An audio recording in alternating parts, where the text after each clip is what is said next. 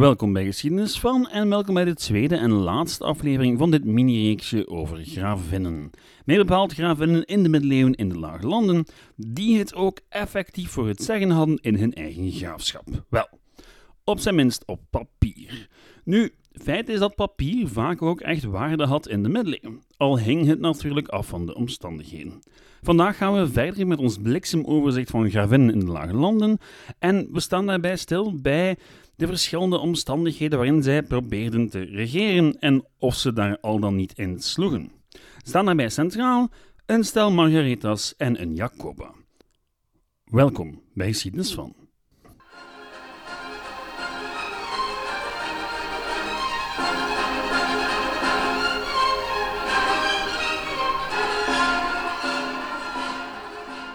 Laat me beginnen met een bekentenis. Na de vorige aflevering was ik wat beschaamd omdat ik zo weinig academische context gegeven had bij het leven van de gravinnen waar ik het over had. Nu, in de tussentijd heb ik van de gelegenheid gebruik gemaakt om een ferme zoektocht te doen naar literatuur. En jawel, u krijgt bij het begin van deze aflevering een kort overzichtje van de context waarin de levens van al die gravinnen plaatsvonden. Enerzijds om te vermijden dat dit reeksje enkel en alleen een opsomming wordt van regeerperiodes en namen, anderzijds omdat het onderzoek van ontelbare historici ons een redelijk boeiend beeld heeft bezorgd van een nogal ingewikkelde historische realiteit, waar, nog steeds, veel te weinig aandacht voor is. Nu, ik heb geprobeerd om echt wat praktisch onderzoek te vinden voor de lage landen, maar ben daar niet in geslaagd. Ik hoop om dat later nog goed te maken, maar nu heb ik mij moeten beperken tot de algemene Engelstalige literatuur. Goed, laat me die even voor u kort samenvatten in een viertal punten. Punt nummer 1. Erfelijke rechten en huwelijken. Vrouwelijke heersers in de lage landen konden hun positie vaak verwerven via erfelijke rechten of via huwelijken. Daarvan zagen we al een heleboel voorbeelden vorige week. Vrouwen konden de titels en eigendommen van hun vaders erven of van hun broers, en dat gaf hen dan een bepaalde mate van macht en controle over hun territorium. Bovendien konden ze vervolgens via huwelijken met andere heersers of adellijke families politieke allianties krijgen die hun eigen macht uitbreiden, al was er altijd het risico dat ze daardoor ook macht verloren. Goed, dan was er nog punt nummer 2, regentschap. En dat is een geval waarin minderjarige mannelijke erfgenamen aan de macht kwamen, maar dat er vrouwelijke familieleden optraden als regenten tot de erfgenaam volwassen werd. En dat gaf hen dus tijdelijke politieke macht en de mogelijkheid om te beïnvloeden hoe het territorium werd geregeerd. Maar hoeveel macht ze hadden, dat hing af van punt 3, beperkingen en patriarchale normen. Want ja, ondanks hun potentiële macht werden vrouwelijke heersers vaak geconfronteerd met beperkingen en de normen van de dag. Zijnde, regeren is een mannenzaak. Nu, dat was niet wettelijk vastgelegd. Wettelijk was er echt wel ruimte voor een vrouw om te regeren over het territorium, maar natuurlijk had de maatschappij heel veel impact op hoeveel ruimte zo'n vrouw had. En dus was er een heleboel mannelijke adel en adviseurs die probeerden om hun invloed te laten gelden over vrouwelijke heersers. Soms werden zij ook gezien als niet meer dan tijdelijke plaatsvervangers voor mannelijke erfgenamen, of waar men ze gewoon zo snel mogelijk uit de weg ruimen om te vervangen door een man. Denk maar aan Ada van Holland van de vorige aflevering. Nu, punt nummer 4 sluit daar zeer goed op aan. En dat zorgt ervoor dat dit zo'n ingewikkeld kluwen is. Punt nummer 4, de politieke context. Want de politieke situatie en machtsverhouding in de lage landen tijdens de middeleeuwen waren nu eenmaal supercomplex en veranderlijk. Vrouwelijke heersers moesten vaak navigeren tussen rivaliserende adel, externe bedreigingen en territoriale conflicten. Zaken die voor de gemiddelde mannelijke heerser al geen sinecure waren, maar voor een vrouw nog veel minder, want ja, haar geslacht kon altijd aangehaald worden als een argument om haar te vervangen door iemand anders. Dus zij zat in die context van al die verschillende fracties die strijden om de macht en die het op zich niet veel kon schelen welk geslacht de heerser had, maar vooral of die heerser aan hun kant stond of niet. Nu goed, dit is zowat de context. Nu is de vraag natuurlijk in welke mate die vrouwen echt regeren konden. Volgens literatuur zijn er zo'n drietal mogelijkheden. 1. Zelfstandige heerschappij. Sommige vrouwelijke heersers toonden een opmerkelijk vermogen om zelfstandig te regeren en beslissingen te nemen. Eleonore van Aquitaine is het voorbeeld en vaak geprezen omwille van haar invloed en haar macht. Die was ook echt actief betrokken bij diplomatieke zaken, regeerde over haar eigen landgoederen en speelde een actieve rol in de politiek. En ook in de lage landen had je dergelijke vrouwen rondlopen. Maar er waren er ook veel die onder categorie 2 vielen, namelijk volledig onder de invloed van mannelijke adviseurs. Want ja, veel vrouwelijke heersers die hadden het zeer moeilijk om echt onafhankelijk te gaan regeren. En vaak zie je dat er op officiële actes ook wel de handtekening staat van de echtgenoot, die dan mee garant stond voor de beslissing. En in dat geval kan je eigenlijk van uitgaan dat de beslissing voor een groot stuk ook die van de echtgenoot was. Dus ja, minderjarige of jonge vrouwelijke heersers hadden het vaak zeer moeilijk om onafhankelijk te regeren. Het was al een pak makkelijker als de vrouw in kwestie een weduwe was of op zijn minst al voorbij de leeftijd dat ze kinderen kon baren. Dat blijkt echt een grote impact gehad te hebben. Nu, dan heb je ook nog de combinatie van beiden, waarbij men in theorie onafhankelijk was, maar wel constant moest omgaan met de druk van mannelijke adviseurs. Dus, tja, over het algemeen kunnen we zeggen dat de mate van zelfstandigheid en regeringsmacht van vrouwelijke heersers dus sterk varieerden. Er waren gewoon superveel factoren, waaronder de politieke, sociale en culturele context, ook de persoonlijke eigenschappen en strategische keuzes van de heerser, die allemaal een rol speelden in hoe zij hun heerschappij konden uitoefenen. Het is dus uiterst moeilijk om een algemeen antwoord te geven op de vraag: konden zij regeren en hoeveel macht hadden zij eigenlijk? Dat hangt volledig af van de politieke en culturele context en ook van hun eigen karakter en persoonlijkheid. Nu, voor concrete voorbeelden van alles wat ik hier net heb opgesomd, moet u niet verzoeken. Luister gewoon eens opnieuw naar de aflevering van vorige week en u zal voor al die theoretische zaken van daarnet heel makkelijk praktijkvoorbeelden kunnen koppelen. Ik ga u er nog een heleboel geven deze week. Laat ons dus verder gaan met de korte opsomming van gravinnen van de Lage Landen. Nu, ik geef toe, we hebben het hier in de eerste plaats toch vooral over die van het graafschap Vlaanderen. En ik weet het, als ik het heb in de podcast over middeleeuwse graafschappen, dan gaat het zeer vaak over het graafschap Vlaanderen. Uh, en ik weet dat sommigen van jullie dat een beetje irritant vinden. Want waarom moeten we toch altijd over dat Dekselse graafschap Vlaanderen hebben? Hedendaags Vlaanderen is immers middeleeuws Vlaanderen niet en middeleeuws Brabant en Limburg zijn even goed fascinerend. Om van Luik, Namen, Henegouwen, Holland, Gelre, Luxemburg en Friesland nog maar te zwijgen. Feit is dat de geschiedenis van het graafschap Vlaanderen redelijk goed bewaard is gebleven en um, geen wetenschappelijke term redelijk sappig is. En door het Vlaamse journalisme van de 19e eeuw is er ook zeer veel van ja, die Vlaamse geschiedenis opgepikt geweest en in geschiedenisboeken geraakt. Veel meer dan dat het geval is voor al die andere graafschapjes. Versta me niet verkeerd, ook voor hen hebben we bronnen, maar er zijn minder echt goed uitgewerkte narratieven. Er is nog een andere reden waarom Vlaanderen vaak gaat terugkomen. Simpelweg omdat het graafschap Vlaanderen echt wel een belangrijke rol speelt in die lage landen.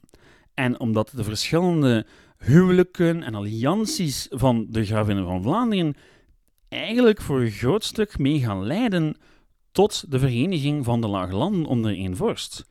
Dus ik kan het wel wat verdedigen dat ik het veel heb over die Vlaamse gravin.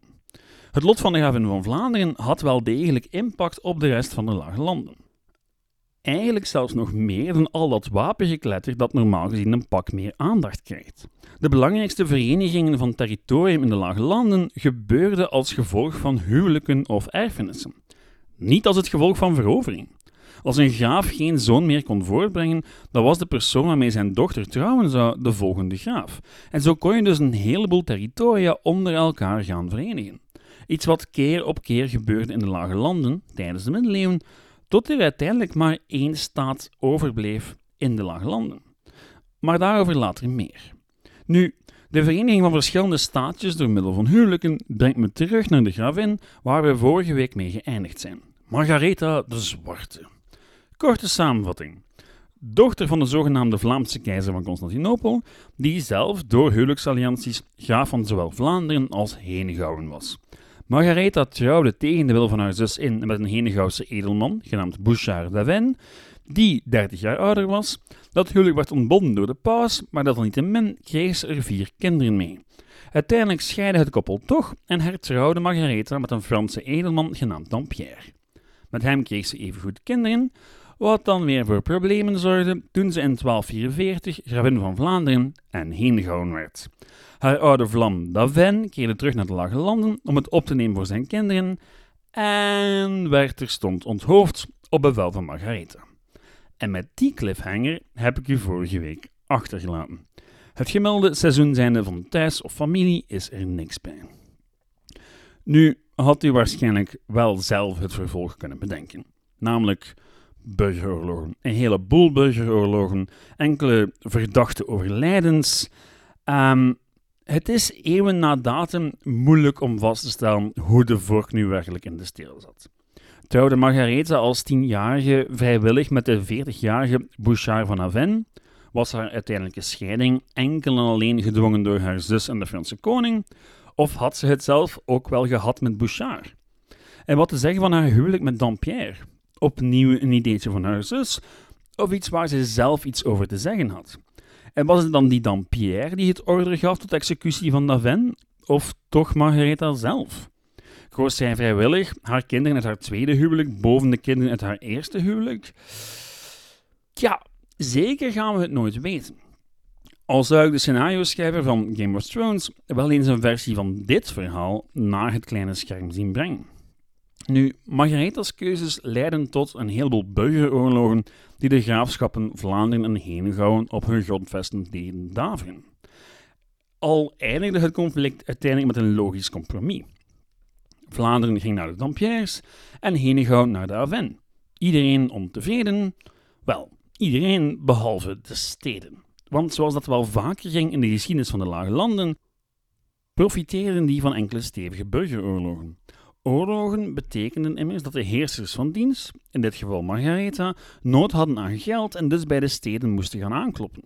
Die hadden daar weinig problemen mee, zolang ze maar meer rechten kregen die hen uiteindelijk in staat zouden stellen meer geld te verdienen. Een gelijkaardig fenomeen zou ook Maria van Bourgogne overkomen, maar dat is een verhaal voor een andere keer. Ironisch genoeg ligt de vete tussen de Aven en de Dampierre dus mee aan de basis van de rijkdom van steden als Gent en Brugge. Er is nog een reden waarom Margaretha van belang is. Het politieke gekonkel van de Aven zal uiteindelijk leiden tot een bondgenootschap tussen Henegouwen en Holland. En met een bondgenootschap komt er ook een trouw, en met trouw kinderen, en dus uiteindelijk gaan Holland en Henegouwen onder dezelfde vorst vallen. De Aven worden gaven van Holland, Zeeland en Henegouwen, maar uiteindelijk blijft ook daar enkel nog een dochter over met de naam, jawel, Margaretha. Nu, die Margaretha was als onderdeel van een huwelijkspolitiek uitgehuwelijkd aan de Duitse keizer en daardoor kwamen zowel Holland als Henegouwen in Beierse handen terecht. En mijn Nederlandse luisteraars worden nu waarschijnlijk zeer enthousiast, want ik ga het wel degelijk hebben over Jacoba van Beieren zowat de belangrijkste gravin van Holland. Alleen nu nog niet. Want eerst moeten we het hebben over de intrede van de Burgondiërs in de politiek van de Lage Landen. En daarvoor moeten we terug naar het graafschap Vlaanderen en een andere Margaretha. Het is de allerlaatste, plechtig beloofd. En misschien is het ook wel de belangrijkste van allemaal. Toch zeker wat betreft de geschiedenis van de Lage Landen. Ik ga het namelijk hebben over Margaretha van Malen. En zij is een essentiële schakel in de evolutie van de lage landen van een collectie kibbelende staatjes naar een verenigde staat, de Bourgondische staat, die wedijverde met Engeland en Frankrijk. En dat zit zo. Door al dat gedoe met huwelijksallianties was in de tweede helft van de 14e eeuw zowat elke adellijke familie in de lage landen familie van elkaar. Boeiend, maar het zorgde er ook voor dat, mits wat dynastiek toeval, een intelligente politicus met een welgemikt huwelijk of twee heel wat macht naar zich toe kon trekken. Mocht er een geschikt doelwit zijn natuurlijk. En er was geen geschikter doelwit dan Margaretha van Malen. En je kan niets anders dan medelijden krijgen met de vrouw, want al van jongs af aan was ze een speelbal van de politieke ambities van haar vader. Die was zelf getrouwd met Margaretha, natuurlijk, van Brabant, en wist met de nodige moeite zowel de opstandige steden als de opdringerige Franse koning af te houden. Al had hij daar natuurlijk bondgenoten voor nodig. Bondgenoten die hij probeerde te verzekeren door zijn dochter uit te huwelijken. Eerst aan de hertog van Bourgondië en toen die het loodje legde aan een Engelse prins. Nu, daar had de Franse koning dan weer een probleem mee en uiteindelijk werd Margaretha dan maar uitgehuwelijkt aan een Franse prins, die ondertussen hertog van Bourgondië was geworden. Een zekere Philips de Stoute. Jawel, die Philips. De stichter van de Bourgondische dynastie. Via Margaretha kreeg Philips en dan vooral zijn dynastie niet enkel Vlaanderen in handen, maar evengoed ook Brabant. Want, uh, wel, de laatste hertog van Brabant had geen zonen gehad en dus werd Margaretha van Malen uiteindelijk de erfgenaam van het hertogdom. De Brabantse edelen en steden zouden nog een tijdje hun onafhankelijkheid weten te bewaren, door andere leden van het Bourgondisch geslacht tot hertog te laten benoemen, maar uiteindelijk werden ook zij opgeslokt door Bourgondië. Margaretha regeerde met en naast haar echtgenoot, al is het moeilijk te achterhalen wat de precieze verhouding nu eigenlijk was. Maar goed, dat geldt voor zowat alle vrouwen waar ik het hier al over gehad heb. Over nu naar de laatste in ons lijstje.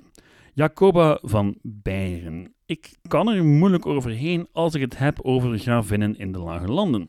Over haar weten we ook relatief veel en het is een zeer boeiend verhaal dat heel wat punten illustreert uit het korte academisch overzichtje dat ik hierboven heb gemaakt. Nu, voor Belgische luisteraars, Jacoba van Beieren is een pak beter gekend bij onze noorderburen dan onze Margaretas.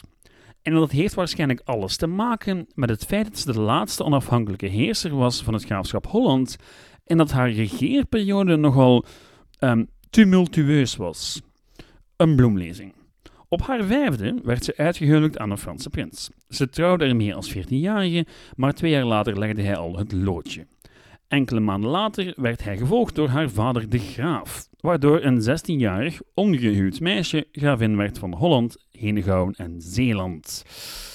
Ja, kon niemand een probleem mee hebben, toch? Tja, tuurlijk wel. Zoals zo vaak als er een vrouw op een troon kwam te zitten, dook er plots een mannelijk familielid op dat met luide stem verkondigde dat hij toch maar beter de zorg voor het rijk toevertrouwd zou krijgen. In het geval van Jacoba was dat nonkel Jan. Aan zich niet zo vreemd, waar je het niet dat nonkel Jan al heerste over een staatje in de Lage Landen. Luik.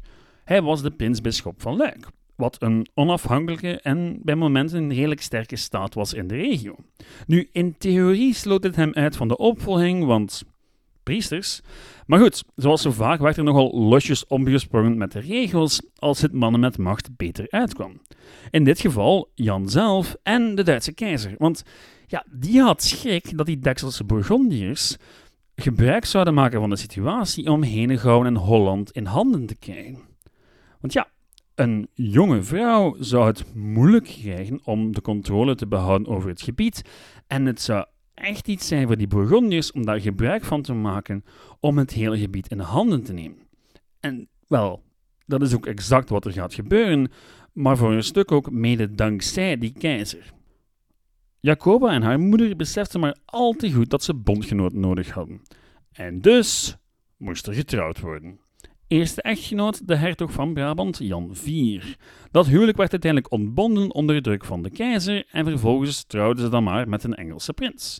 Nu, diezelfde Jan van Brabant had ondertussen zijn zinnen gezet op Henegouwen en werd daarbij gesteund door Philips de Goede, hertog van Bourgondië.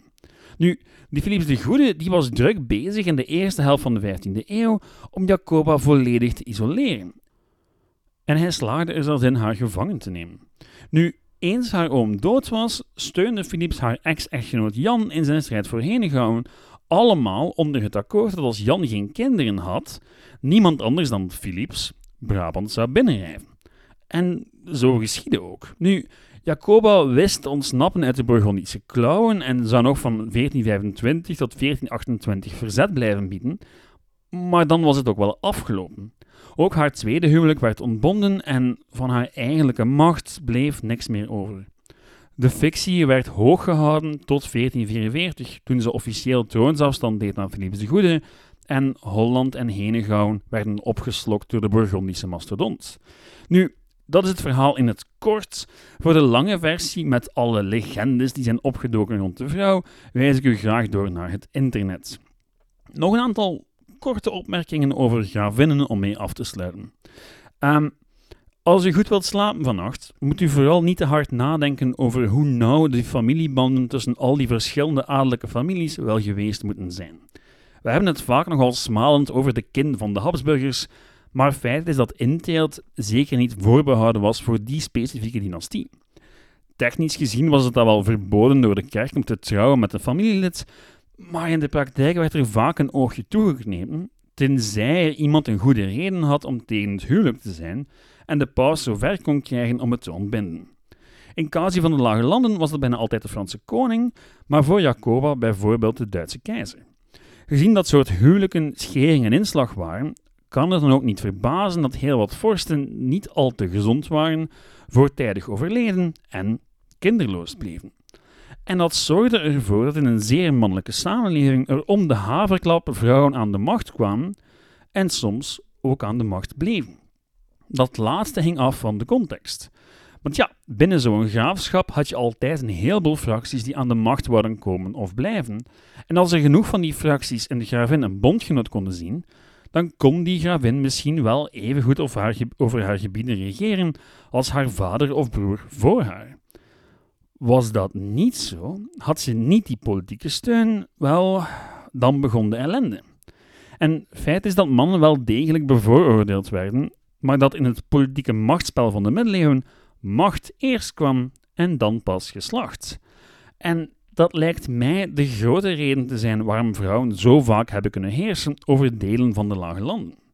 Nu, een meer volledig antwoord op de vraag waarom gravinnen konden heersen en hoe ze dat deden, dat zal voor een andere keer zijn, want hier ga ik het bij houden voor dit reeksje. Er valt nog een pak meer te vertellen over het onderwerp, maar u hebt het misschien gemerkt, ik heb het wat moeilijk om een goed narratief te vinden, om alles wat te vatten. Dus ik ga het hier voorlopig bij laten. Mijn excuses, ik had hier meer mee willen doen.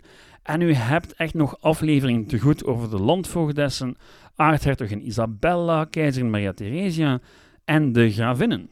Want ik hoop ooit nog een derde aflevering over dit topic te kunnen schrijven. Maar dat zal dan ook afhangen van de literatuur. Het zou ook zeer leuk zijn om een interview te doen met een expert, maar dat zal moeten wachten tot ik terug ben in België. Goed, laat me vooral weten wat u ervan denkt. Er komt vroeg of laat ook een serietje over het leven van niet-adellijke vrouwen, maar daar ben ik me momenteel nog voor aan het inlezen. Wie niet kan wachten, maar zich nu al wil verdiepen, kan ik wel volgende Engelstalige werken aanraden die mij goed op weg gezet hebben bij het schrijven van deze aflevering. Aristocratic Women in Medieval France, Medieval Elite Women and the Exercise of Power en Women in Medieval Europe 1200 to 1500. Zwat, bedankt voor het luisteren en tot volgende week. Dan hebben we het over afval. Wel, historisch afval. Met opmerkingen en suggesties kan u zoals altijd terecht op het e-mailadres geschiedenisvan.outlook.be, de website geschiedenisvan.be of de Facebookpagina Geschiedenis van. Bedankt voor het luisteren. Ciao!